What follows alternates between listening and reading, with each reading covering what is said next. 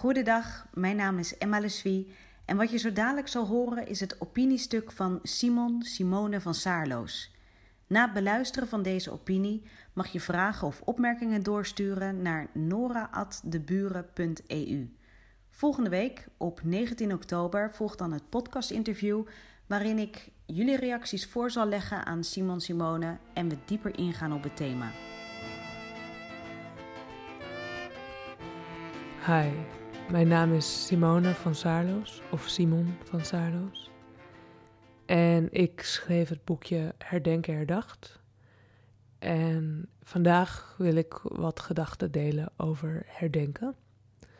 Ik zal geen al te expliciete stellingen nemen, maar ik wil wel wat vragen delen die volgens mij heel goed als een stellingname kunnen worden ervaren.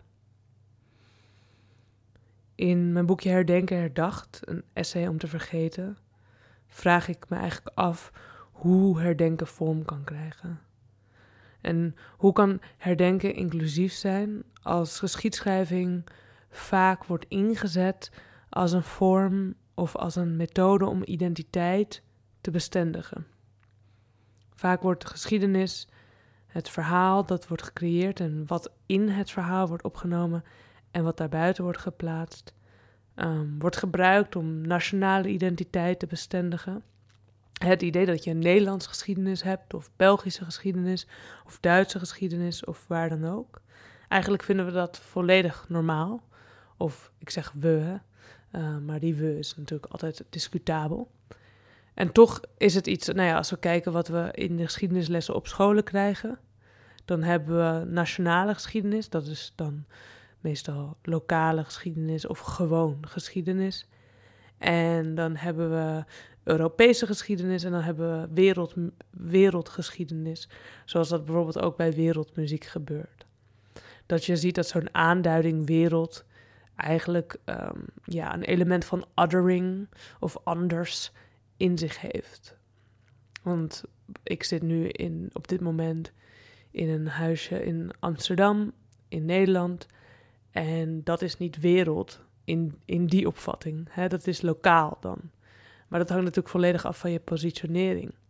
En als ik ineens Amsterdam als wereldgeschiedenis zou formuleren, zou dat een hele andere vraag opleveren dan wanneer ik denk dat dit uh, mijn eigen geschiedenis is of een nabije geschiedenis. Nou, in Herdenken Herdacht vraag ik me ook hardop af um, wat het betekent om met geschiedenis bezig te zijn. Dus aan de ene kant um, vraag ik me af um, in, in het werk wat ik bijvoorbeeld in de Verenigde Staten tegenkwam, uh, in de lessen van Saidia Hartman, Tina Kempt onder andere. Um, zij zijn zwarte feministische denkers. En uh, bijvoorbeeld in het werk van Saidia Hartman, Lose Your Mother, gaat het expliciet over uh, de terugkeer, wat je ja, eventueel een terugkeer kan noemen van uh, Saidia Hartman als zwarte Afrikaans-Amerikaanse vrouw. Um, generaties lang in de Verenigde Staten, daarom Afrikaans-Amerikaans. En um, dat gaat, zij bezoekt Ghana en daar schrijft ze over. En zij beschrijft eigenlijk hoe het onmogelijk is om het verleden los te laten als je verleden op geen enkele manier duidelijk is. Als je verleden niet wordt verteld, niet een verhaal is om je heen. Als je verleden geen taal is, geen common language, een collectieve taal, um, dan wordt dat verleden een obsessie. Dus de absentie van een verleden creëert ook een belang van dat verleden. Creëert de zoektocht, lose your mother, uh, de zoektocht naar een voormoeder, de zoektocht naar voorouders. Uh, je hebt je moeder verloren omdat jouw achternaam en je naam is afgenomen in tijd van slavernij. Mensen mochten hun eigen naam niet houden, mensen tot slaafgemaakte ook wel genoemd. En daarmee verdwijnt eigenlijk een lijn die in deze maatschappij uh, wel degelijk belangrijk is, omdat er eigenlijk altijd een lijn wordt getrokken, een vaderlijke lijn. Waar kom je vandaan? Waar komt je naam vandaan? Nou, de absentie, die, um, die afwezigheid, die Sadie Hartman beschrijft in onder andere Lose Your Mother. En ik kan haar werk ontzettend aanraken, aanraden als je het nog niet eerder hebt gelezen. Bijvoorbeeld ook haar artikel Venus in Two Acts, waarin ze ja, zich afvraagt hoe we geschiedenis kunnen schrijven zonder alleen maar het leed en de ellende te herhalen en zonder te steunen en volledig voort te bouwen op die mensen en die posities die het archief autoritair bewaken. Dus als het archief altijd geschreven is door en, en, en bewaakt is door witte mensen en door witte posities, dus posities van macht. Hoeveel zin heeft het dan om die archieven centraal te stellen in het schrijven van een andere geschiedenis? Of misschien moet ik niet zeggen een andere geschiedenis, maar in geschiedenissen die even goed verteld dienen te worden, maar niet in dat bewaakte archief zijn opgenomen. Dus dat is haar artikel Venus in Two Acts. Nou, die afwezigheid van het verleden en daardoor de, wat je zou kunnen noemen, een obsessie met het verleden, die zet ik dan tegenover mijn eigen ervaring als witte persoon in Nederland. Um, met een wat als Nederlandse naam wordt gezien uh, van Saarloos. Het woordje van en onlangs realiseerde ik me pas uh, eigenlijk echt hoe, hoe genormaliseerd ook weer dat woordje van bijvoorbeeld is. Omdat een vriendin van mij uit uh, Latland, Letland um, hardop afvroeg waarom ik in godsnaam uh, meeging in het idee van. want dat maakte me dan toch totaal gerelateerd. Of dat ze, er zit toch een soort bepaald idee van bezit in. Of dat je ook, of van een eenduidige oorsprong of dat je ergens door bezeten bent, of hoe noem je dat? Niet bezeten, maar owned bent. Uh, dat vond ik heel interessant dat zij dat zo vroeg van hoe kan het toch dat in Nederland die van nog steeds bestaat? Nou, dan zag ik weer op dat moment hoe genormaliseerd dat bijvoorbeeld is. En ook dat die van verwijst in zekere zin naar geschiedenis. Goed, ik leg het eh, werk van Sadie Hartman naast uh, mijn eigen ervaring dus als witte persoon in Nederland uh, met witte Nederlandse voorouders.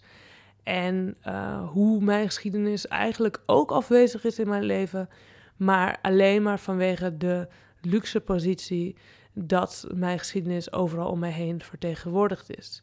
Die zal ik niet snel de mijne noemen, want ik als witte persoon heb de luxe om te zeggen, of ja, je zou het een luxe kunnen noemen, om te kunnen zeggen van, uh, ja, maar dat zijn gewoon mijn voorouders, ik heb daar verder helemaal niks mee te maken omdat ik niet uh, snel als groep word gezien of als onderdeel van een groep. Ik word misschien als vrouw gezien uh, als onderdeel van een groep. Ik word misschien als queer gezien als onderdeel van een groep. Maar mijn huidskleur wordt uh, is, wordt, aan de hand van mijn huidskleur wordt eigenlijk nooit gevraagd waar ik toe behoor. Omdat wit op een bepaalde manier geneutraliseerd wordt en als natuurlijk standpunt wordt gezien, of normatief standpunt wordt gezien, of als gewoon. Dus die witte geschiedenis om mij heen is eigenlijk overal. Die zit hem in het feit dat de straten om mij heen in Amsterdam bijvoorbeeld zijn vernoemd um, naar uh, witte koloniale overheersers uh, onder meer. Dat zit hem in het feit dat de mensen die zijn afgebeeld op de standbeelden, dat dat um, uh, witte schrijvers zijn, um, stadsmensen die beleid voerden, koloniale figuren zoals Van Heuts. Dus ik hoef niet eens op zoek naar mijn verleden, omdat het overal rondom mij is. En dus is het voor mij ook heel makkelijk om te zeggen: Nou, wat gek dat mensen zo ontzettend bezig zijn met hun verleden. Waarom is dat toch zo? Want ik hoef dat helemaal niet. dus het is een bepaald soort luxe om te zeggen dat het verleden toch het verleden is en daar hebben we nu toch niks mee te maken.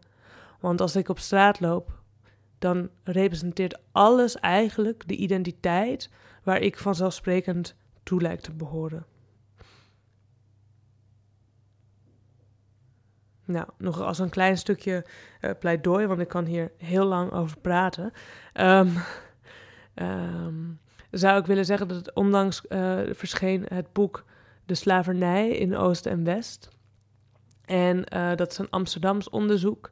En onder meer Guno Jones en Nancy Jouwe hebben daaraan meegewerkt.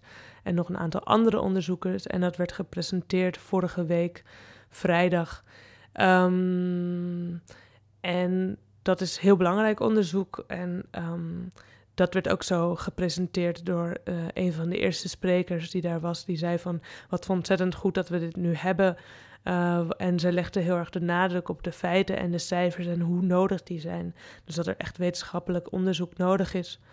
Al was het maar om de opinie, publieke opinie, die natuurlijk op lange manier, op lange, uh, de publieke opinie die lang uh, is, is bestendigd en, en ook breed wordt gedeeld. En ook in de politiek, in de Tweede Kamer en dergelijke in Nederland uh, naar voren wordt gebracht. Dat het allemaal wel mee zou vallen met de slavernij. En wat Nederland uh, daar zowel heeft gedaan in onderdrukking en geweld. Um, als wat er aan verdiend zou zijn. En um, nu blijkt dus uit onderzoek, wetenschappelijk onderzoek en archiefonderzoek, dat dat helemaal niet het geval is. Dus het valt niet mee.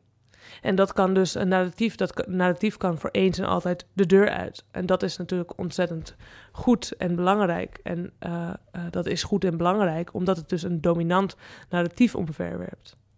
Maar wat mij opviel in het um, in het praatje wat de, de, de boekpresentatie inleidde, was dus die nadruk op wetenschappelijke feiters, feiten en cijfers. En dat dat zo ontzettend belangrijk is. En nou wil ik dus op geen enkele manier weerleggen dat uh, dit boek belangrijk is. Maar wat ik mij wel afvroeg was. Um, die vraag over feiten en cijfers. En als we daar zoveel nadruk op blijven leggen, dat het met feiten en cijfers moet worden bewezen dat het slavernijverleden niet meeviel, dan blijven we in een bepaald idee van geschiedschrijving. Wat je zou kunnen noemen een traditionele vorm van geschiedschrijving, waarin feiten en cijfers het beginsel vormen. En waarin dus ook eigenlijk iets pas geschiedenis wordt op het moment dat het gedocumenteerd en geschreven is. Nou, ik moet denken aan Catherine McKittrick, uh, die een tekst schreef: Mathematics Black Life. Uh, Mathematics Black Life. En zij schrijft eigenlijk over het feit dat, het, dat zwarte levens voornamelijk gedocumenteerd zijn als, uh, als in, in, in, in termen van dood, verderf en ellende. En nou pleit McKittrick op geen enkele manier voor het um, ja, het wegzetten of het uh, kwijtschelden van die, uh, van die vreselijke geschiedenis vol dood. Alleen wat zij er tegenover zet is de vraag: hoe kunnen we zwarte levens beschrijven in het verleden? Als de enige documenten die we hebben, bijvoorbeeld de documenten zijn van um, kapiteinen, koloniale kapiteinen, Europese koloniale kapiteinen, die uh, bijhielden hoeveel mensen er overleden, overleden uh, tijdens de transatlantische overtocht en hoeveel tot slaafgemaakten er ter water gingen. Dus dan heb je alleen de cijfers van de dood. En wat is er gebeurd met de verhalen van de levens? Die zijn niet gedocumenteerd. Hè, dus die zijn die, die normatieve niet, geschiedenis niet ingekomen. Catherine McKittrick stelt dus eigenlijk voor niet om nog dieper het archief in te duiken, want dan kom je hetzelfde tegen. Eigenlijk ook wat Sadie Hartman betoogt in Venus in Two Acts. He, dus die vraag van hoe gaan we om met een archief wat inherent in en of itself problematisch is, omdat het eenzijdig is en eenduidig. En dat haal je er niet zomaar uit door met dat archief te blijven werken. En Catherine McKittrick zegt: Trust the lies. Vertrouw de leugens. Dus in plaats van cijfers en feiten tegenover feiten en cijfers te zetten, um, worden levens pas beschreven in de leugens, in het archief. Dus een zinnetje hier of daar waarin het wordt gezegd van ja, dat zei zij maar. Of eigenlijk de absenties in het archief, dingen die niet worden opgenomen in de leugens geldt dus heel veel leven. En mijn vraag zou daarom zijn: op welke manier zouden wij kunnen nadenken over herdenken vanuit de leugen, vanuit het verhaal, niet vanuit de feiten en cijfers? En hoe zorgen we ervoor dat, daar, dat er dan geluisterd wordt in verscheidenheid? En ook de vraag misschien dat if we trust the lies, dan is dat al heel gauw gevaarlijk om te zeggen in een tijd waarin uh, er een president is in de Verenigde Staten en ook in vele plekken in Europa. Uh, mensen die zogenaamde uh, feiten verdraaien om hun eigen gelijk te propageren. Wat betekent het in zo'n tijd om te zeggen trust the lies?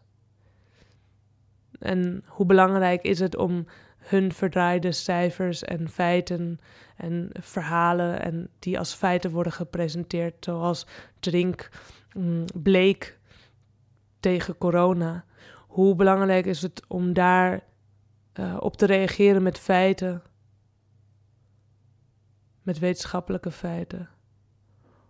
Of reproduceren we daarmee een bepaalde mm, manier van denken en een bepaalde manier van steunen op een eenduidige waarheid?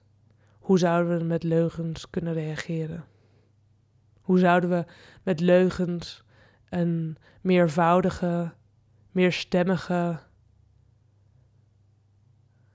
ja, vorm van waarheidsvinding kunnen creëren? Vergeet niet je vragen door te sturen naar nora.deburen.eu.